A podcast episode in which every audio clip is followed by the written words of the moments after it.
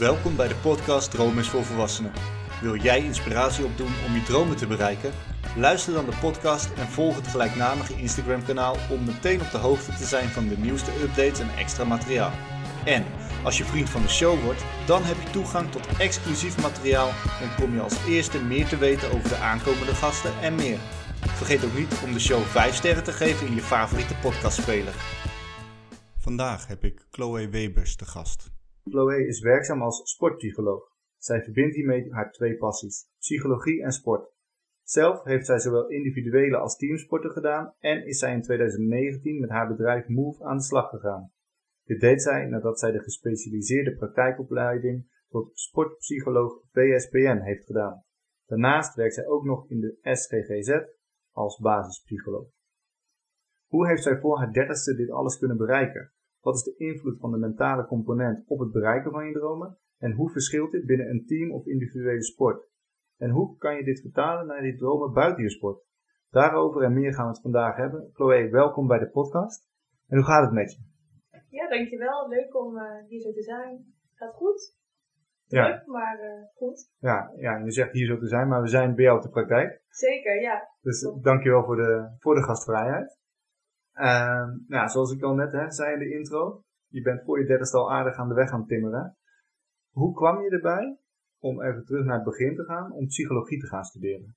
Ja, um, ik kwam daarbij omdat ik eigenlijk altijd al geïnteresseerd was in de mens. Hè, dus welk gedrag vertonen we, waarom doen we wat we doen.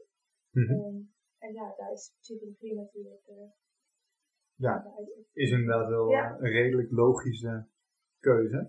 Ehm, maar dan nog, hè, je bent tussen de 17, 18 jaar als je psychologie gaat studeren. Mhm. Waar komt die interesse dan op de middelbare school vandaan dat je denkt, nou, ik wil graag mij bezighouden met het gedrag van mensen? Nou, ik heb in eh, België gestudeerd. Ehm, en daar hebben ze ook wat meer vakken gespecialiseerd in de psychologie. Dus Mhm. eh, gedragswetenschappen, cultuurwetenschappen, waarin die psychologie veel meer naar voren komt. Dus zodoende waren dat eigenlijk de vakken die mij enorm aanspraken, waardoor ik dacht, ja, deze richting wil ik verder op. Ja. En specifiek dan de sport? Nee, toen nog niet. Nee, Oké. nee. Want hoe is dat dan zo gekomen dat je dacht, nou, ik ben nu bezig gewoon met de basispsychologie, om het zo te zeggen. Mhm. Ik wil de sport in. De- Ja. wat, wat is daar gebeurd? Ja, nee, ik was eigenlijk van kinds af aan altijd al bezig met sport. Op mijn zesde begonnen met tennissen en ook heel veel verschillende sporten gecombineerd. Dus heel lang getennist, maar ook gehockeyd. eh, waarin ik voor beide veel trainde, wedstrijden speelde, competities meedeed. Ehm, en eigenlijk op de universiteit hoorde ik pas van het hele vak sportpsychologie. Ja. eh, waarbij ik dacht, nou ja, als ik dan die twee kan combineren, dan, ehm, dan is dit het. En Ja. dan wil ik dit heel graag doen. Ja, dus eigenlijk je hobby, wat je leuk vond om te doen, namelijk het sporten, en hetgeen waarvoor je gestudeerd had, de psychologie, kwamen op die manier samen. Ja, zeker. Ja.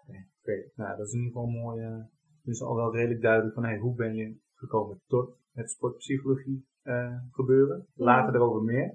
Eh, want ik ga een vraag stellen waar ik nu geen antwoord op wil hebben, maar pas aan het eind.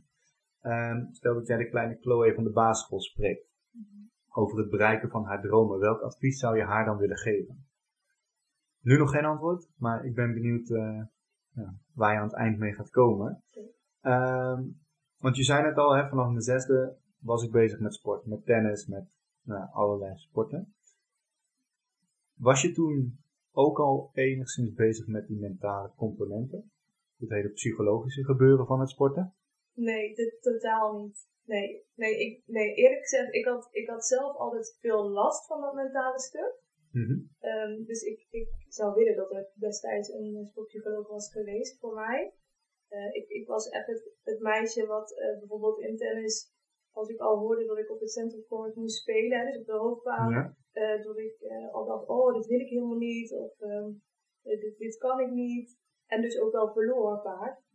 Terwijl ik dan op een, een zijbaan achterin ehm dik won van diezelfde persoon. Ja.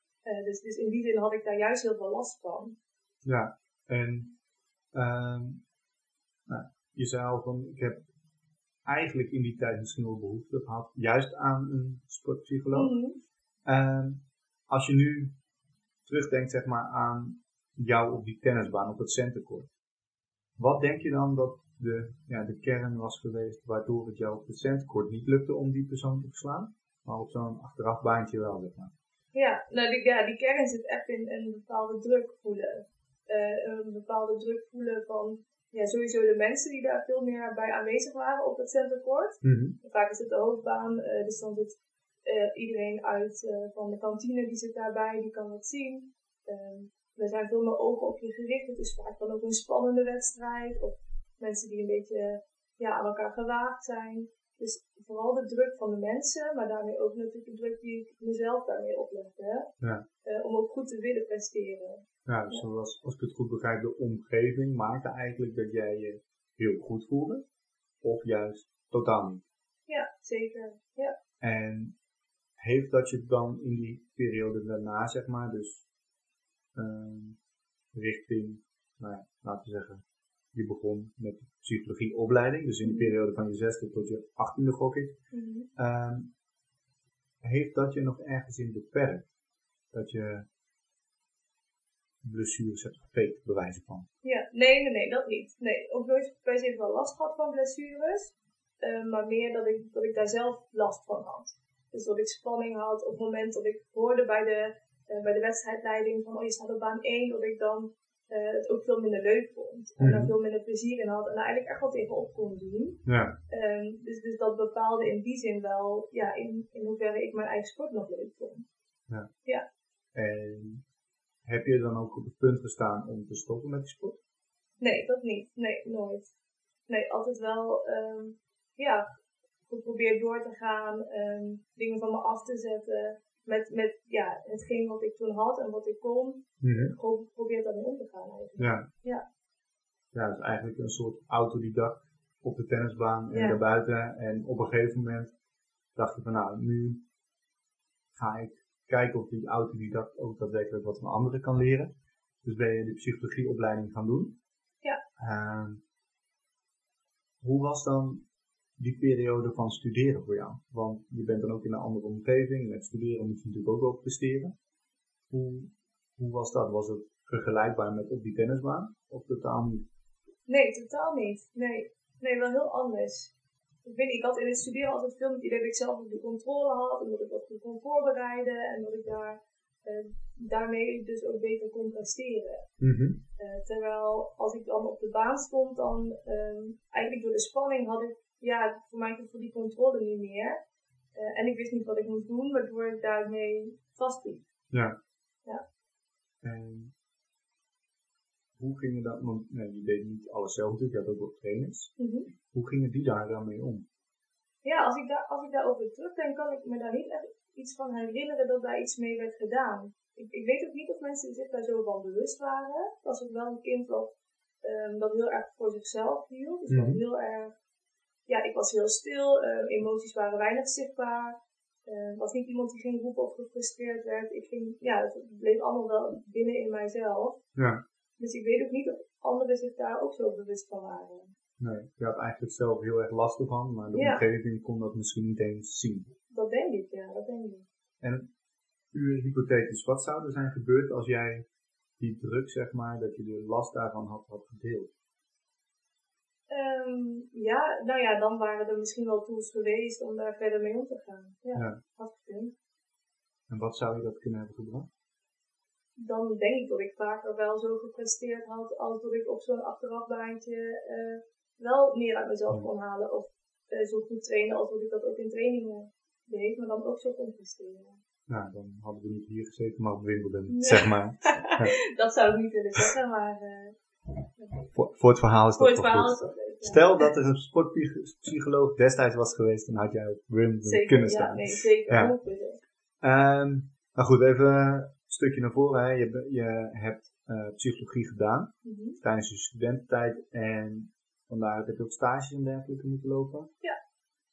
Wat merkte je daarin? Kon je daarin eigenlijk, uh, ja, hoe, hoe, was voor jou die stageperiode? Ja. Periodes? Ja, nou ik heb vooral stage gelopen dus voor de gezondheidszorgpsychologie. Mm Dus echt om basispsycholoog te worden. Ja, gewoon binnen de GGZ. Binnen de GGZ. En uh, ik heb dat gedaan in de praktijk meer voor positieve psychologie. Dus, en dat houdt in? dus dan ben je wat meer gericht op uh, nou, wat zijn bepaalde kwaliteiten die dan soms wat zijn doorgeslagen, waardoor je erin vastloopt. Uh, maar hoe kun je die dan ook gebruiken om daar wel weer mee om te gaan? Bijvoorbeeld perfectionisme. Bijvoorbeeld, ja. Ja, zeker. Dus dat ja, was dat in de basis GGZ. Dus wel mm -hmm. wat, wat, problematiek, maar niet, niet enorm complex. Um, ja, in, in, die zin ja, heel veel geleerd en heel veel gezien over verschillende ja, mentale problemen die er kunnen spelen. Um, en mensen daarbij verder te helpen. Ja, en uh, toen je eenmaal klaar was, had je toen zoiets van: dit is helemaal wat ik wil doen? Nee, nee, nee. Hoe merk je dat? Um, hoe merkte ik dat? Ik merkte dat ik het wel heel interessant vond, maar dat ik aan de andere kant ook dacht van het is wel zwaar. Ondanks dat het basisgezet was, zijn het mm -hmm. wel mensen met problemen er is altijd iets aan de hand, er speelt iets, mensen hebben het daar zwaar mee. Um, en ik dacht wel bij mezelf van, hm, kan ik dit, wil ik dit voor altijd blijven doen? Ja. Ik werk dat ook voor mijzelf op die manier goed om dat zo te blijven doen. Ja, ja ik herken het wel hoor. Uh, ik werk ook nog in de praktijk zeg maar als therapeut. Mm -hmm.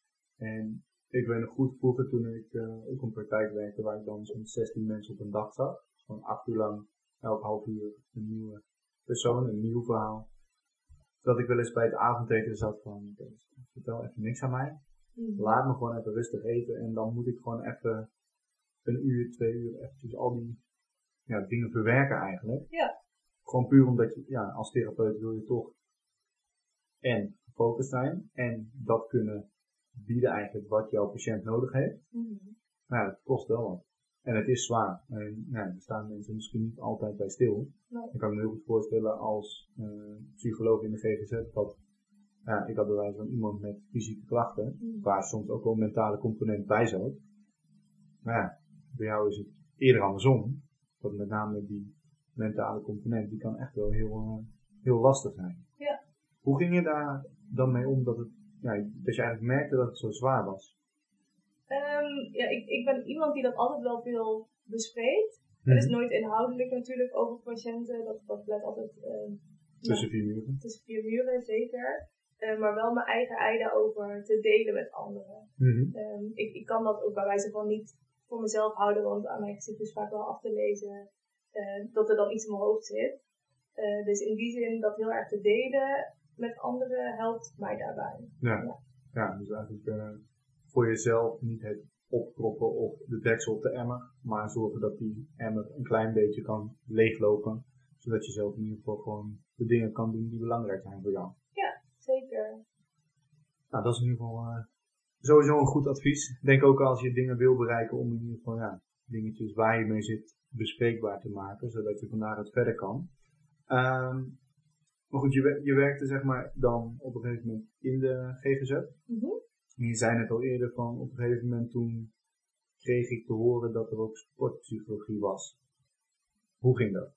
Ja, nou ja, dat was echt in uh, ten tijde van mijn, uh, ik denk van mijn master. Misschien een stukje van de bachelor al, dat ik het hoorde inderdaad. En dat ik dacht, wow, bestaat dit? Mm -hmm. um, en dat dat eigenlijk voor mij wel een bevestiging was van, oké, okay, dit is dan wel ja, iets waarbij de psychologie wel hè, voor langere tijd of voor altijd zou kunnen blijven doen. Ja. Uh, omdat dat net dat stukje biedt wat ik mis. Of wat ik, uh, waar, waar, ik dan wat twijfels bij heb. Hm. Waar merk je dat aan?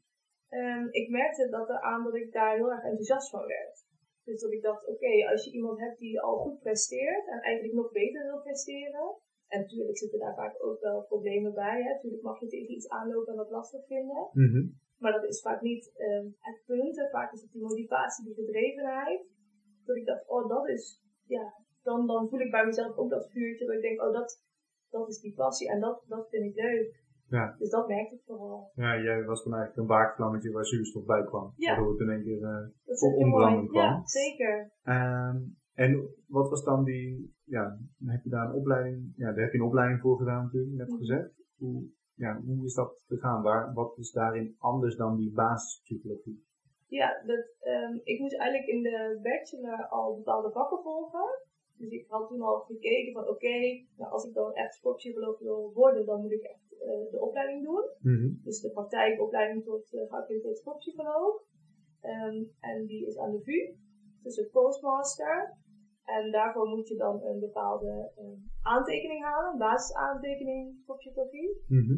Nou ja, en daarvoor had je dan weer bepaalde punten nodig. Dus bepaalde pakken die je moet halen in de bachelor, maar ook in de master. Een bepaald onderzoek, literatuurstudie of scriptie. Dus in die zin ben ik eigenlijk vanaf de bachelor, master al punten gaan verzamelen om eh, dat uiteindelijk te kunnen doen. En uiteindelijk voor die opleiding te kunnen aanmelden. Ja, dus als ik het goed begrijp, heb je eigenlijk ervoor gezorgd dat op het moment dat jij klaar was met je bachelor, dat je zo min mogelijk hoefde te doen om daadwerkelijk uh, die opleiding te kunnen gaan doen. Ja, ja het was echt een vereiste, was echt nodig.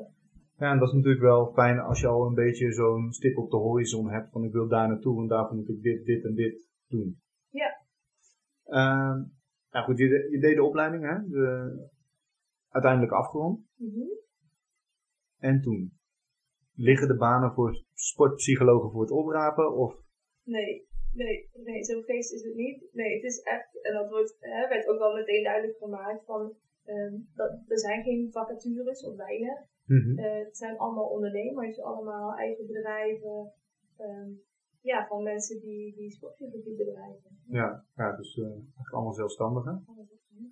Heb je ondernemersfamilie? Nee, nee, niet per se. Een, een beetje, maar niet, um, nee, nee. Nee, bij mij, mijzelf ook niet per se. Nee. nee. Was het dan voor jou spannend om ja, die stap te maken voor jezelf te beginnen? Zeker. Ja, dat was voor mij wel een punt waarvan ik dacht, oeh, ga ik dit echt doen? Mm ja, sportpsychologie leuk vinden is één, maar daarbij een heel ondernemer zijn, moeten zijn, is, is een tweede. Wat heeft gemaakt dat je die stap dan hebt, hebt genomen? Um, ja, A, omdat ik die sportpsychologie zo interessant vind, mm vond ook. Um, en B, omdat ik ook wel voor de uitdagingen ben. Dus ik dacht, oké, als ik het dan wil, um, ja, waarom ga ik er dan niet voor? waarom probeer ik het dan niet voor? Ja, en hoe is dat dan verder gegaan? Want je hebt een idee, het is spannend, maar je zegt, ik ga ervoor. Mm Is het dan alle remmen los en gewoon vol daarop storten? Of heb je een soort van eerst met je tenen in het water om te kijken van hoe is het? Ja, nee, zeker wel het tweede hoor. Ja, zeker. Ik heb eerst de opleiding gevolgd. Uh, en, en wat tegen het eind aan, um, dat ik ook een aantal casussen moest doen, dus een aantal cursussen moest begeleiden. Mm Wat meer besloten, oké, ik ga dit dan ook doen en ook nu opgestart. Ja. Um, en zodoende ja, ook gekeken van hè, hoe ver wil ik daar dan in gaan, hoe groot wil ik dat maken, of um, ja, ook om te kijken of me dat dan wel beviel. Ja. ja en over hoeveel tijd hebben we het dan? Hoe lang ben je daarmee bezig geweest? Ik denk dat dat in het laatste jaar van de opleiding is geweest. Dus de opleiding duurde eigenlijk twee jaar. Ik heb daar iets langer over gedaan, met corona zat ertussen. Mm um, dus ik denk dat dat nu een jaar of twee, drie geleden is. Ja. Dat ik dat uh, gestart ben. Ja. Ja. En toen je eenmaal gestart was met Move, dan is natuurlijk alles is nieuw. Mm Alles komt op je pad voor een eerste keer. Wat waren dan jouw successen in die eerste drie tot zes maanden?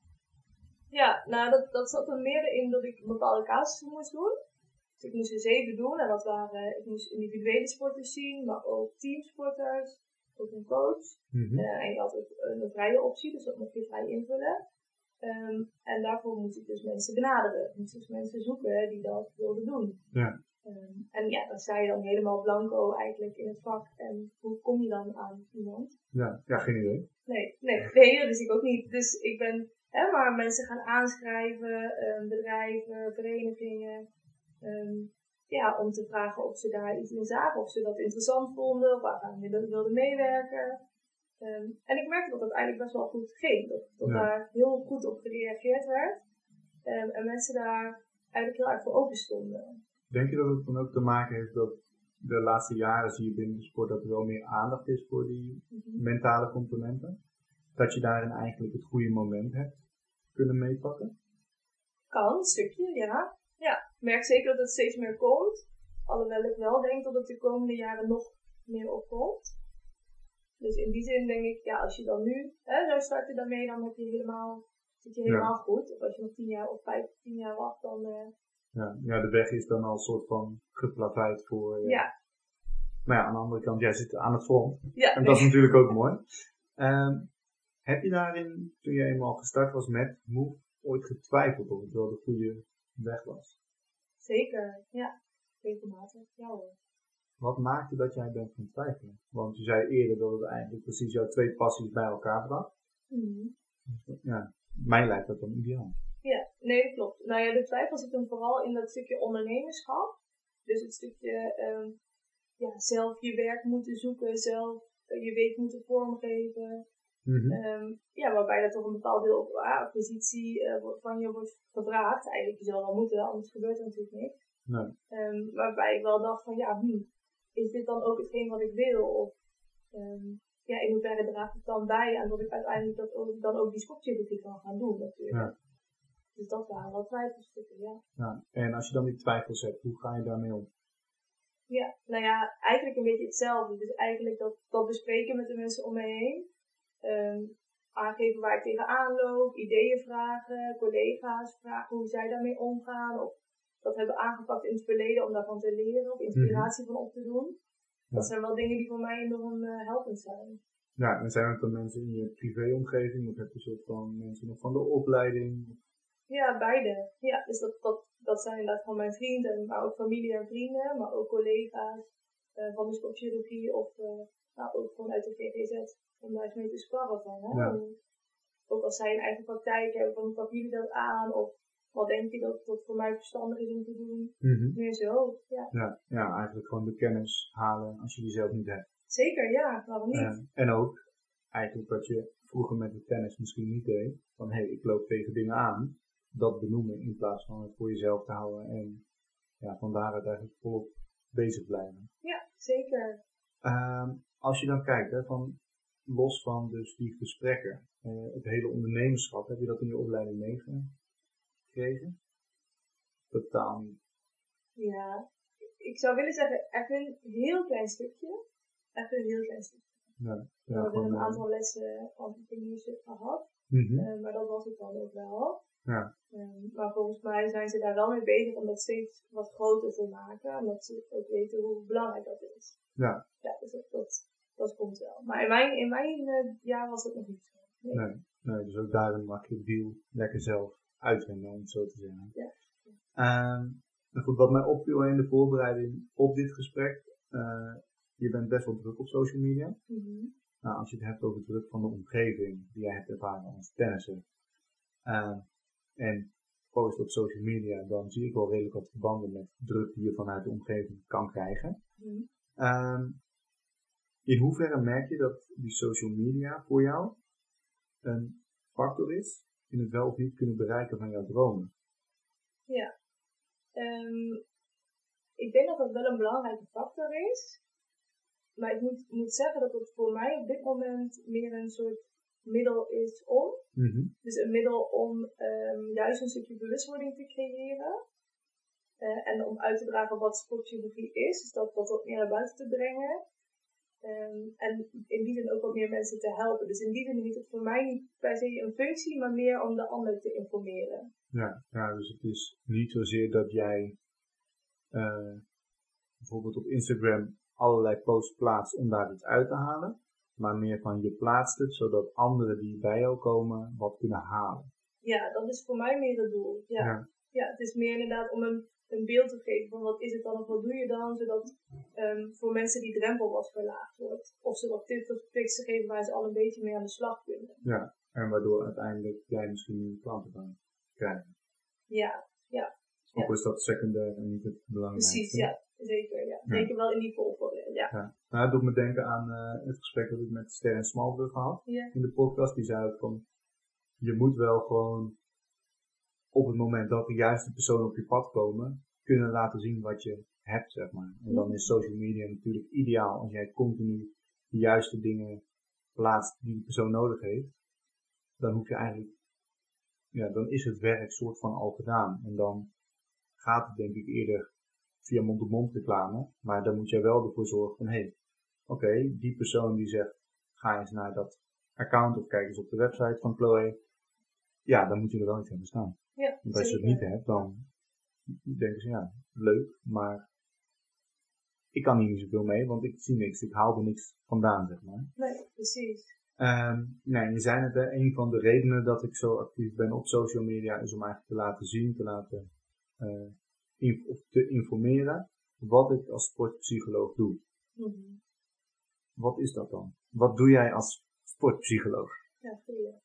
Ehm, als sportpsycholoog begeleid ik mensen, presteerders, Mhm. om, ehm, vaak is het doel tweeledig, dus om zich ofwel beter te voelen en ook beter te presteren. En dat gaat vaak hand in hand, dus als je beter voelt, presteer je beter, als je beter presteert, voel je beter.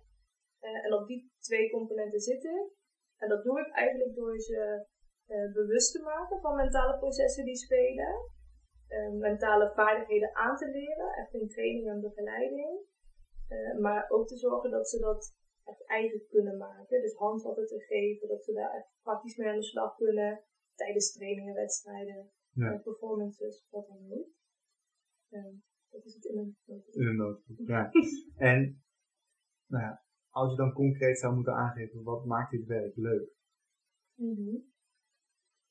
Wat is dat dan? Want ik kan me heel goed voorstellen dat je zegt, nou ja, ik leer mensen eigenlijk om de problemen die zij ervaren tijdens het beoefenen van de sport eh, zelf kunnen oplossen. Maar ja, stel dat ik uh, advocaat van de duivel ben, denk ik, ja, wat is daar leuk aan? Ja. Wat is daar dan leuk aan? Nou ja, wat daar leuk aan is, is dat je eh, mensen dingen leert die ze A nog niet wisten. Of zich nog niet bewust van waren. Dus in die zin hun helpt in een bepaald proces. En dat vind ik super leuk om te zien. Dus te zien hoe iemand het dan ontdekt. Of te zien hoe iemand opsteekt. Ehm, dat is A al super leuk. Ja. Eh, en aan de andere kant ook om dan te zien wat ze daarmee kunnen. Dus wat ze kunnen met die bewustwording, met die inzichten, dat dat daadwerkelijk iets doet voor eh, dat ze beter in hun vel zitten, of veel meer zelfvertrouwen hebben, eh, of een keer op het podium staan wat ze eerder niet doen, of misschien wel echt de top hè, de sport ook bereiken bijvoorbeeld. Ja. Ehm, dat, zijn, eh, dat, zijn, ja, dat zijn mooie dingen daaraan. Als je dan kijkt hè, naar jouw eh, carrière als eh, sportpsycholoog, wat zou voor jou het ideale eindpunt zijn? Waar zou je zelf naartoe willen? Mhm.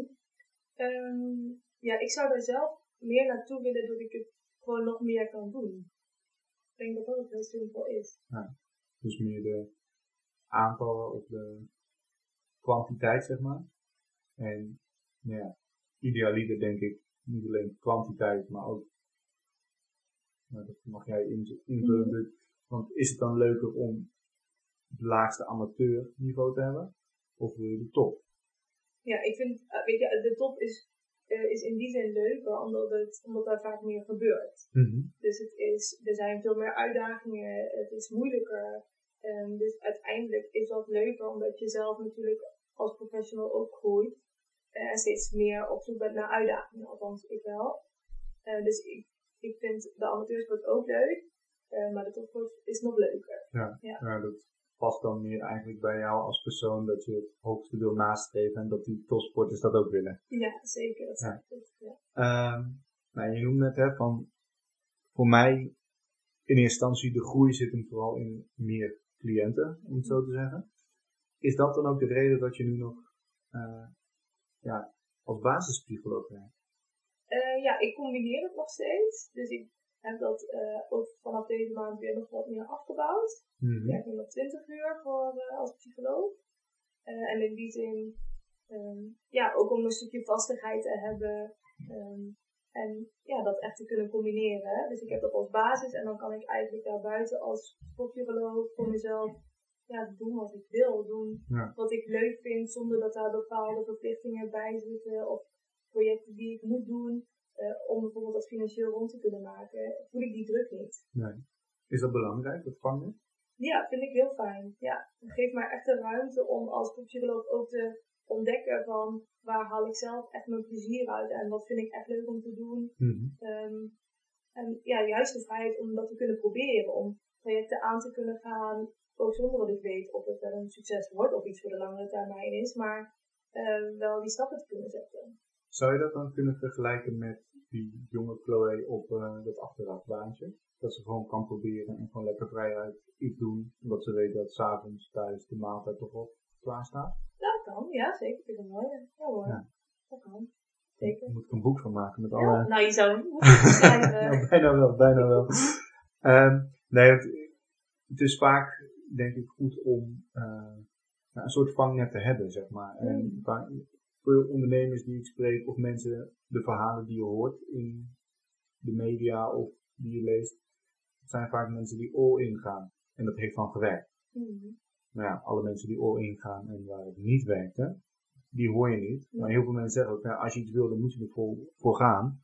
En dat is natuurlijk deels wel waar. Ja. Maar aan de andere kant, eh, en dat kun jij misschien als sportpsycholoog ook wel beamen bij jouw cliënten, van als er in de thuissituatie iets is, dan presteer je minder goed op je werk of in je sport. Zeker. Dus het is belangrijk om die basis in ieder geval goed te hebben. Dat je altijd gewoon, ongeacht wat je doet op de dag, dat je een soort van basisbehoefte hebt die je kan blijven hebben. Die uiteindelijk helpen om jouw droom te kunnen verwezenlijken.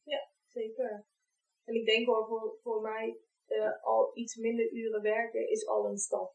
Ja. Eh, een gewaagde stap in die zin. En waarom is dat dan gewaagd? Ja, omdat, omdat het buiten de, de, de kaders valt van het normaal, van hoe mensen het gewend zijn. Als ik vertel dat ik die combinatie maak, dan, dan kijken mensen ook wel eens gek op. Of dan zeggen ze, oh, maar kan dat dan wel? En hoe doe je dat dan? Ehm, ja, dus, dus in die zin is het al gewaagd. Ja. En die vragen die je dan krijgt vanuit je omgeving, zijn dat vragen uit, naar jouw idee, interesse of bezorgdheid? Ehm, ik denk, vaak een stukje van beide hoor. Vaak is het ook van, ja, hoe, ehm, hoe past dat dan bij elkaar? Of ehm, ja, zou je niet gewoon vijf dagen in de week van 9 tot 5 werken en ja, Ja. de rest maar laten wat het is. Dus ik denk ook een stukje angst, wat natuurlijk er tegenin gaat en dat ik juist dingen wil proberen om meer te willen bereiken. Ja, ja, en soms moet je proberen om iets te kunnen bereiken. Juist. Want als je blijft doen wat je doet, dan krijg je wat je krijgt. Juist. Zoals het een ja. mooie spreekwoord is. zeker.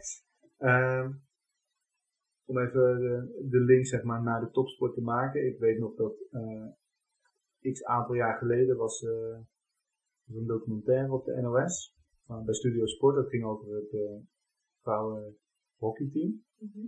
Waarbij ook heel veel aandacht was voor de eh, ja, psychologische processen binnen het team, zeg maar. Ehm, om bijvoorbeeld bepaalde trainingen op te zetten.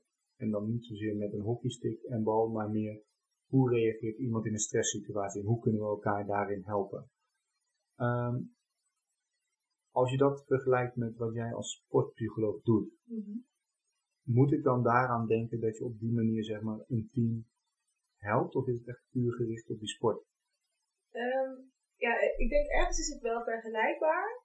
Je hebt het dan natuurlijk ook over ehm, de verhalen van, nou ja, we, we nemen sporters mee en we droppen die ergens en we zien wel hoe dat, hoe dat gaat, hè, hoe dat Mhm. teamproces zich ontwikkelt, of hoe ze zorgen dat ze allemaal heel hard aankomen, bij wijze van. Ja. Ehm, en in die zin lijkt het daar wel op, omdat je wel natuurlijk sporters buiten hun comfortzone zet. Maar de sportpsychologie zoals ik hem uitvoer is ook wel veel meer, ehm, toch ook in een veilige setting, gaat veel meer over ehm, ervaren, bewustwording, dus praten over en doen Mhm. eh, in, in die sportsetting zelf. Dus, dus Ja. tijdens een training of ehm, in, een, in een, eh, een ruimte om, om dingen bespreekbaar te maken. En ben je dan ook degene die bijvoorbeeld binnen die groepsprocessen of groepstrainingen veel aandacht heeft voor het individu? Mhm. Ja, het hangt wel af van, van het traject. Dus in het individueel traject zit je sowieso op het individu, waarbij je wel iemands omgeving meeneemt. Maar bij teamtrajecten neem je altijd het individu wel mee, want het individu is onderdeel van het geheel. Ehm, dus dan gaat het vaak wel over de teamprocessen, dus teambuilding, teamontwikkeling. Maar je kijkt wel van, ja, maar hoe gaat het dan met de onderlinge poppetjes?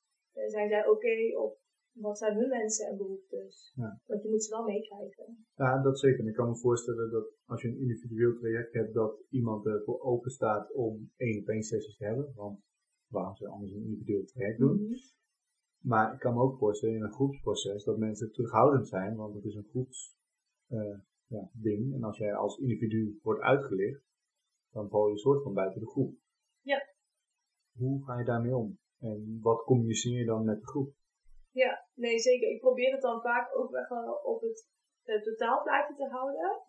Ehm, waarbij ik van tevoren vaak wel kort individueel of in kleine groepjes met de spelers spreek. Dus ik wil wel kennis maken, ik wil wel weten met wie ik te maken heb. Ehm, zodat ik hun ook die ruimte kan geven. Ja. Ehm, maar daarbij is mijn rol natuurlijk ook wel een soort veilige omgeving neer te zetten. Eh, dus ik zal nooit iemand voor het blok zetten of zorgen dat iemand zich bewust onprettig voelt. Nee. Die veiligheid is wel enorm belangrijk, zeker als sportpsycholoog. En eh, hoe ga je er dan om met de voorgeschiedenis van zo'n team? Mhm. Want, nou ja, jij komt ergens in het hele proces van soms al jaren, kom jij in één keer, eh, hoi, ik kom even mijn, eh, ja, ik kom jullie begeleiden, om het zo te zeggen. Maar er zullen vast wel, zeker in bijvoorbeeld voetbalteams of hockeyteams, dan speelt de basis. En daarachter is vaak een soort van onvrede, want die willen ook spelen. En daar zit een voorgeschiedenis aan vast. Want ja, een trainer bepaalt, om het zo te zeggen, maar eh, ja, dat is dan wel het beste team. Hoe ga je dan ook ja, aandacht hebben voor die voorgeschiedenis, zonder dat je het teamproces misschien laat spaak lopen of zo? Mhm. Ja, wat, ik- wat ik vaak doe voordat ik echt start met trajecten, of in het begin van het traject, eh, dat ik ook goed vraag van nou, hè, wat is, de, nou ja, wat is er aan vooraf gegaan? Ehm, en dat ook wel vaak met een team in zijn geheel bespreek. Dus als ik weet dat er dingen spelen of hebben gespeeld, eh, doe ik wel altijd een check om te bepalen hoe belangrijk is dat nu nog. Ja. Eh, want ik wil dat liever aan het begin weten en daar wat aandacht aan besteden dan dat ik op het eind van het traject erachter kom dat het eigenlijk meespeelt eh, en dat daardoor processen in de weg zit. Ja. Dus dat, dat probeer ik echt in het begin wel te tackelen. Eh, dingen uit te spreken, eh, dingen op te lossen of met, met de trainer of onderling. eh, dat, dat echt aan te gaan. Ja. Ja, ja, dus eigenlijk vooraf, waar we het net over hadden, dat de sportpsychologie nog aan het begin staat en dat nou, het pad geplaveid wordt. Wil je dat eigenlijk ook al zorgen dat alle beren die op de weg kunnen komen, dat al benoemd zijn en er vanaf zijn. Zodat jouw werk natuurlijk alleen maar makkelijker wordt, om het zo te zeggen. ja, zeker. Klopt. Ehm, zitten er dan grote verschillen tussen bepaalde sporten of echt individu sporten, om het zo te zeggen? Ik bedoel, een tennisser of een voetballer is natuurlijk een ja, letterlijk andere tak van sport. Ehm, maar ik kan me voorstellen dat jouw werk daarin ook anders is. Ja, nou eigenlijk eh, de processen die spelen zijn vaak overeenkomstig, dus die lijken enorm op elkaar. Het gaat altijd over dezelfde mentale vaardigheden, maar dan in een ander jasje. Eh, dus in individuele sporten ehm, ja, spelen geen of weinig teamprocessen een rol. Eh, misschien natuurlijk wel met een staf of een trainer, maar niet onderling dan, met teamgenoten, want ja, die heb je simpelweg niet. Nee. Ehm, dus, dus, dus dat scheelt. Ehm, maar dan kan bijvoorbeeld weer een rol van een ouder of ehm, ja, ieder andere begeleider enorm belangrijk zijn. Ja. Dus, dus in die zin ga je dan, ja, de hulpvragen verschillen dan natuurlijk wel. Ja, en aan de andere kant komen ze ook weer overeen. Want ook bij teamsporten heb je te maken met ouders en Ja. dergelijke. Eh, je noemde net mentale vaardigheden. als je dat vergelijkt met, of zou kunnen vergelijken, met überhaupt het bereiken van je dromen. Welke mentale vaardigheden zijn er dan voor jou essentieel in het bereiken van dromen als team, als individuele sporter of gewoon als persoon? Mhm. Ja, ik, ik denk dan ehm, een stukje mentale weerbaarheid, veerkracht. ook, hè? Om, Ehm, omgaan met tegenslag. Ja, eigenlijk wel. Maar ook daar dingen uithalen. Dus een bepaald optimisme in hebben. Ehm, en in die zin, ik bedoel dat van dat je met de, met de dingen waar je tegenaan loopt, dat je daar inderdaad mee omgaat. Maar ook lering uithaalt, waardoor je beter wordt. Ja. Ehm, ik denk dat dat een hele belangrijke is. En zelfvertrouwen, dat is een enorm belangrijke mentale vaardigheid. Als je die hebt, dan ben je eigenlijk al op de helft. Dan ben je er al bijna helemaal. Ehm, maar dat is denk ik een enorm belangrijk om je droom waar te kunnen maken. En als je het dan hebt over een teamproces, is dan ook het vertrouwen op een ander? Of eigenlijk jouw vangnet wat je hebt met het werk in de GGZ is eigenlijk ook het vertrouwen op Mhm. ander werk in dit geval. Ja. Ehm, zorgt dat er ook voor dat je gewoon je dromen beter kan bereiken? Ja, dat denk ik wel. Dat denk ik zeker wel. Ja, als, je dat, als je het idee hebt dat je er alleen in staat, ehm, dan, dan ja, voelt dat vaak minder comfortabel. En als je het idee hebt dat de anderen klaarstaan of jou helpen of steunen, eh, dan is dat vertrouwen veel groter, waardoor je ook meer vertrouwen hebt in je eigen kunnen en vaak veel meer in staat bent. Ja, En dat zul jij denk ik ook wel merken. Hè? Je bent zelf ook onderdeel van een team. zeker. Niet hoe je dat daarin in merkt. Nee, nee, dat, uh, nou ja, mijn rol is, of mijn rol binnen het team, of mijn positie in het veld, laat ik het zo zeggen, is mhm. keeper. Ja. Dus ik ben altijd de laatste die, als het goed is, nooit in actie hoeft te komen. Mhm. Ehm, maar ook dan is het belangrijk dat je onderdeel van het team bent en wel het team probeert zoveel mogelijk te helpen. Kijk, het, het, klinkt heel hard, maar op het moment dat ik een fout maak als keeper, mhm. dan is 9 van de 10 keer ligt de bal netje, zeg maar. Ehm, maar ik kan er wel voor zorgen dat ja, op de positie die ik heb, wat denk ik best een grote verantwoordelijkheid is, dat je wel iedereen zo goed mogelijk kan steunen. Zeker. En dat je dus ook weet van bijvoorbeeld je verdediging, op welke manier spelen die, wat vinden die het fijn en op welke manier kan je jouw kwaliteiten daarin benutten. Maar die moet je ook ontwikkelen. Ja. Kijk, hoe ik nu in het doel sta is niet hetzelfde als 10, 15 jaar geleden. Ja, aldoende leert men letterlijk. En ook alle fouten en zoals nu dit jaar werken op een hele andere manier dan voorgaande jaren. Waardoor je echt het teamproces en elkaar ook wel gewoon kan benoemen van hé, hey, ik zie dit. Hoe kunnen we dat op die manier doen? Ja. En nou ja, we hebben natuurlijk een gezamenlijke kennis om het zo te zeggen. Hè? De, Zeker. Uh, ook gast uit de podcast Habib, de, ja, dus op dit moment mijn trainer. En je hebt samen met hem een traject gedaan bij zijn vorige club, dacht ik. Mm uh, ja, hebben. Ja. ja. precies. Ja, ik zat te denken welke club was het ook weer, want ik kom niet uit deze regio. Uh, maar dan zie je wel dat de dingen die jij nu net benoemt, dat die wel vertaald worden naar datgene wat wij op onze trainingen bijvoorbeeld doen. Mm ja, we zijn nu vooral bezig met, en dan is het als keeper is het helemaal grappig. Dus toevallig dinsdag deden wij als keepers mee met een paar strafoefeningen. Nou, als er één ding is wat ik van mezelf weet, is dat ik niet conditioneel de beste ben en niet uh, voetballend, zeg maar, de beste ben. Ik sta op doel, ik keep al heel lang, waardoor ik niet meer de vaardigheid heb om in het veld goed snel mee te kunnen doen. En dan heb ik teamgenoten, ja, die zijn er veel beter in. Dat weet ik ook. Ik doe mijn best, maar achteraf zijn teamgenoten, ja, we zien jullie keepers met zulke grote ogen staan van wat er allemaal gebeurt en wat je moet doen. En twee dagen later deden we dezelfde oefening. En toen merkte ik dat ik er al heel anders in stond, omdat ik het, de oefening had ik al een keer gehad. Het was niet meer onbekend. Ik wist een beetje letterlijk waar ik moest lopen. En dan merk je dat je veel rustiger er al staat. Puur omdat je het hebt kunnen oefenen. Maar het feit dat de teamgenoten ook wel zeggen, ja, we zien dat jullie er moeite mee hebben. En ik herken dat ook. Ik kan zeggen, nee, dat is een makkie. Ja, ik weet niet hoeveel bal ik verkeerd heb gespeeld de eerste keer. Dat is niet anders. Nee. En dat is het ook. Maar ja, op dat moment, het is trainen, het is niet anders, het hoort erbij. Uh, maar in de wedstrijd moet je er wel kunnen staan. En dan is ook, ik heb jarenlang uh, dat ik al voetbal. Mij maakt het niet per se uit of ik nu op een hoofdveld speel mm -hmm. of ergens op veld 8. Nee. Maar dat is meer ook van ja, wat vind ik belangrijk? Vind ik het belangrijk om voor heel veel supporters te kunnen spelen? Of vind ik het spelletje belangrijk? En misschien ben ik nu in zo'n levensfase dat dat laatste voor mij veel belangrijker is. Plezier is gewoon ook naar het dagelijks leven toe, denk ik, heel belangrijk. Ja, en zeker. dat is misschien wel binnen de sport sowieso.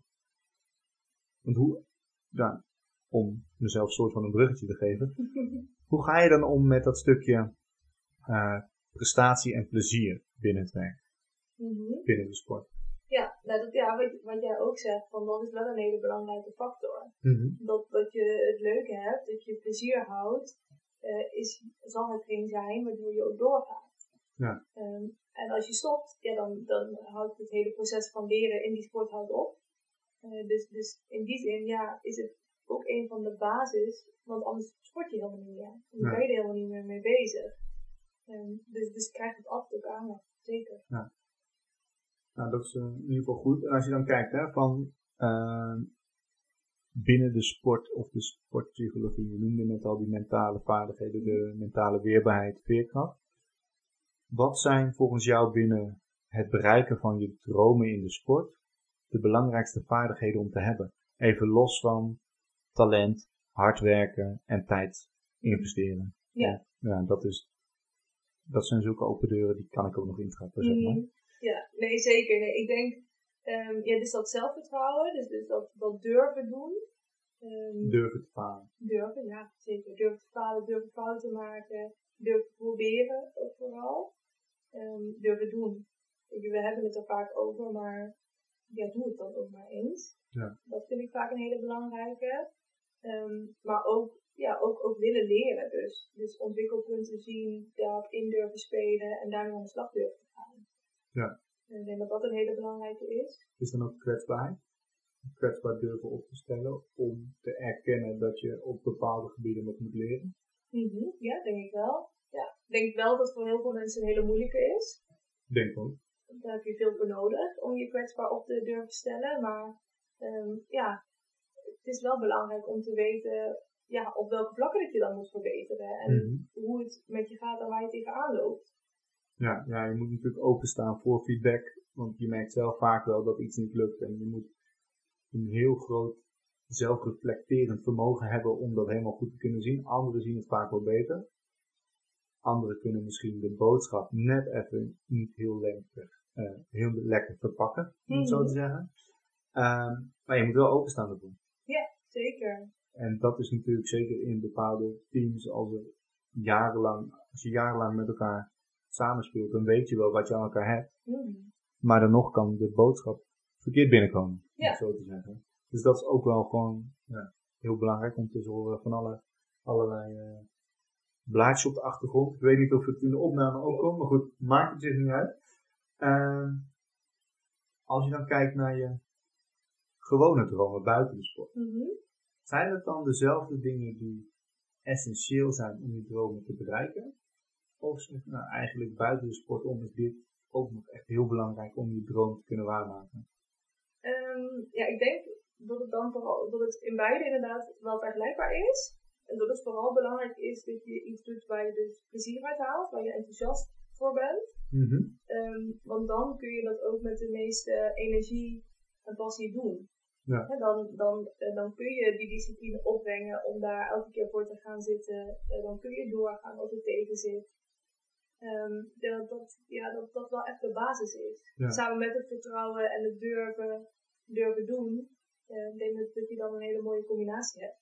Als je dan nog eens je omgeving gebruikt en leert en feedback tot je neemt. ehm, ja, dan kun je denk ik steeds een betere versie worden en die, die dromen liggen dan steeds binnen handbereik. Ja, en eigenlijk je ondergrens, om in eh, sporttermen te praten, die wordt dan steeds hoger. Zeker, ja. ja. Als je dan kijkt naar eh, hetgeen waar jij nu staat, want nou ja, we spreken hier nog voor jouw dertigste en je hebt al aardig wat eh, achter je, zeg maar, qua dingen die je hebt bereikt, die je hebt ontwikkeld. Wat is voor jou dan, als je één ding zou moeten noemen, essentieel geweest in jouw eigen ontwikkeling richting het bereiken van je dromen? Ehm, ja, ik denk toch dat, dat op, optimisme, denk ik.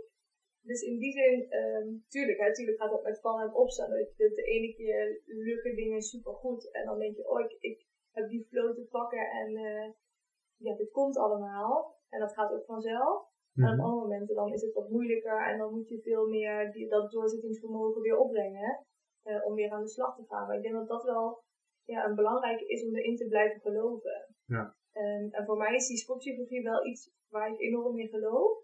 Dus wat dat ondernemerschap ook een stuk makkelijker maakt, omdat ik niet het idee heb dat ik onzin verkoop, maar daar echt achter sta. Mhm. Ehm, en in die zin, ja, dat is ook veel makkelijker bij mezelf, vanuit mezelf eh, uitgaande, ja, daar over in gesprek kan gaan. En kan zeggen, ik denk echt dat het jou helpt, eh, zullen we daarmee aan de slag gaan. En ehm daar moet ik nu in één keer aan denken hoor. Want als ik kijk naar mijn eigen situatie, zeker binnen het voetbal, je hebt lekker gestructureerd. Twee keer in de week een training, in het weekend een wedstrijd. Hoe belangrijk is het dan voor jouw eigen dromen om routines te hebben? Dat je dus vaste dingen hebt van, of op de dag zelf of in de week zelf van dan doe ik dit, dan doe ik dit, dan doe ik dit. Ja, he- heel eerlijk, het werk als sportpsycholoog heeft weinig routines. Ehm, Dus is niet belangrijk. Nou ja, dat, dat zou ik niet per se willen zeggen. Ehm, het, ik, ik vind het zelf heel leuk om heel veel verschillende dingen te doen. Mhm. Dus, dus voor mij ja, zijn routines niet altijd belangrijk het gewoon ook veel diversiteit heeft. En ik daar veel uit kan halen, dus veel plezier uit haal. Ja. Ehm, maar daarnaast ja, is voor mij een stukje basis, ook vanuit de psychologie wat ik twee dagen in de week doe, in die zin wel een belangrijke routine. ehm, dat dat een bepaalde rust geeft en veiligheid, waardoor ik juist op die andere dagen alle speelruimte heb. Ja. Dus ik denk in die zin die combinatie van die routines met de vrijheid, dat dat Ja. voor mij heel goed werkt. Ja, routines zorgen voor vastigheid, zorgen voor een kapstok om van daaruit verder te kunnen. Juist, ja. Stel nou hè, dat wij elkaar over vijf tot tien jaar spreken. Waar sta je dan? Welke dromen heb je waargemaakt? Oeh, dat is een goeie. Ehm, ja, ergens hoop ik dan toch dat ik het fulltime zou kunnen doen. Ehm, en in die zin dan ja, toch op een andere manier wat vastigheid wat meer heb. Dus wat, ehm, ja, wat, wat andere vaste trajecten of projecten eh, die in die zin ook die vastigheid geven. Waardoor ik nog steeds de vrijheid heb, maar het gewoon nog veel meer kan doen. Mhm.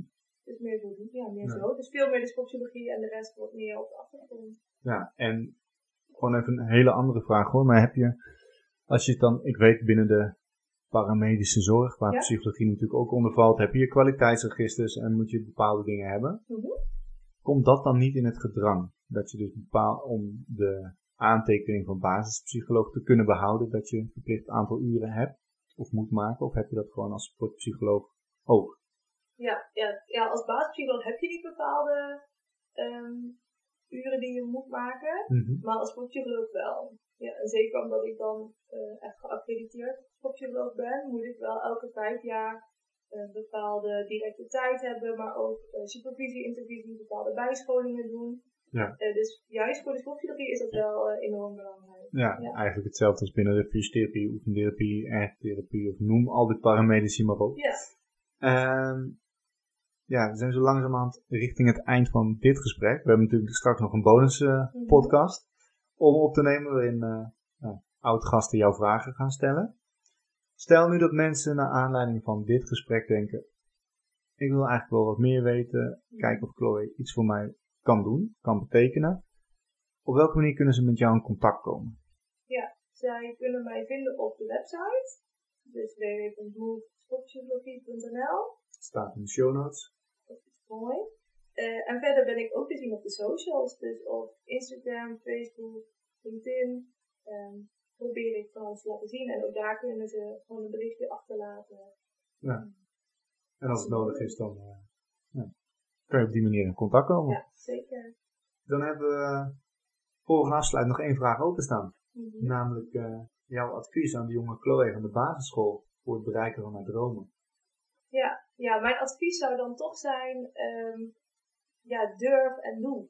Hè? En vertrouw erop dat het wel goed komt. ehm, en, en doe het maar gewoon. Ja. Dus, dus ook als je op die achterste baan staat, eh, maar ook als je op centercourt staat, wat mij nu bovendien goed lukt. Dus waarin ik nu tegenwoordig wel mijn eigen mentale vaardigheden heel goed eh, in kan zetten. Om mijn spanning te reguleren. Ehm, ja, vertrouw erop dat dat goed komt. Ja. En vraag hulp als het nodig is.